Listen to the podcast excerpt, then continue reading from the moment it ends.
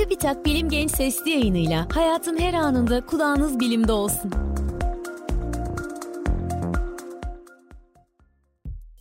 Arılar nasıl bal yapar? Balın yapısında hangi maddeler var?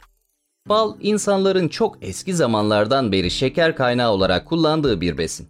Bal büyük oranda şekerden oluşur. Ayrıca içinde enzimler, amino asitler, vitaminler, mineraller ve başka organik maddeler de vardır. Nektar çiçekli bitkilerde nektaryum olarak isimlendirilen yapılar tarafından salgılanır. Nektarın temel kaynağı fotosentez sonucu oluşan besin maddeleridir. Nektar büyük oranda sakkaroz, fruktoz ve glikozdan oluşur. İçinde şekerin yanı sıra amino asit, lipid, organik asit gibi maddeler de vardır. Nektarın yapısındaki maddelerin türü ve miktarı bitkiden bitkiye değişir. Toplayıcı arılar çiçeklerden topladıkları nektarı vücutlarındaki bal midesi olarak isimlendirilen bölgede depolar. Bu süreçte salgıladıkları bazı enzimler nektarın yapısındaki disakkaritlerin monosakkaritlere parçalanmasını sağlar. Toplayıcı arılar topladıkları nektarı kovandaki işçi arılara aktarır. Kovandaki işçi arılar toplayıcı arılardan aldıkları nektarı yaklaşık 15-20 dakika boyunca geri çıkarıp tekrar içer.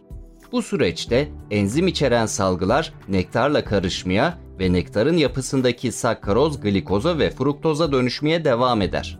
Daha sonra kovandaki işçi arılar nektarı bal peteklerine aktarır. Balın en önemli özelliklerinden biri içindeki su oranının hayli düşük olmasıdır. Kovandaki işçi arılar kanatlarını çırparak kovanı havalandırır. Bu da bal peteklerinde biriktirilen nektardaki fazla suyun buharlaşmasını sağlar.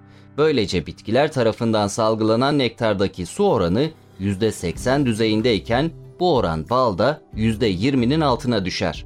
Nektarın bala dönüşümü 1 ila 3 gün sürer. Bal zayıf asit özellikte bir maddedir.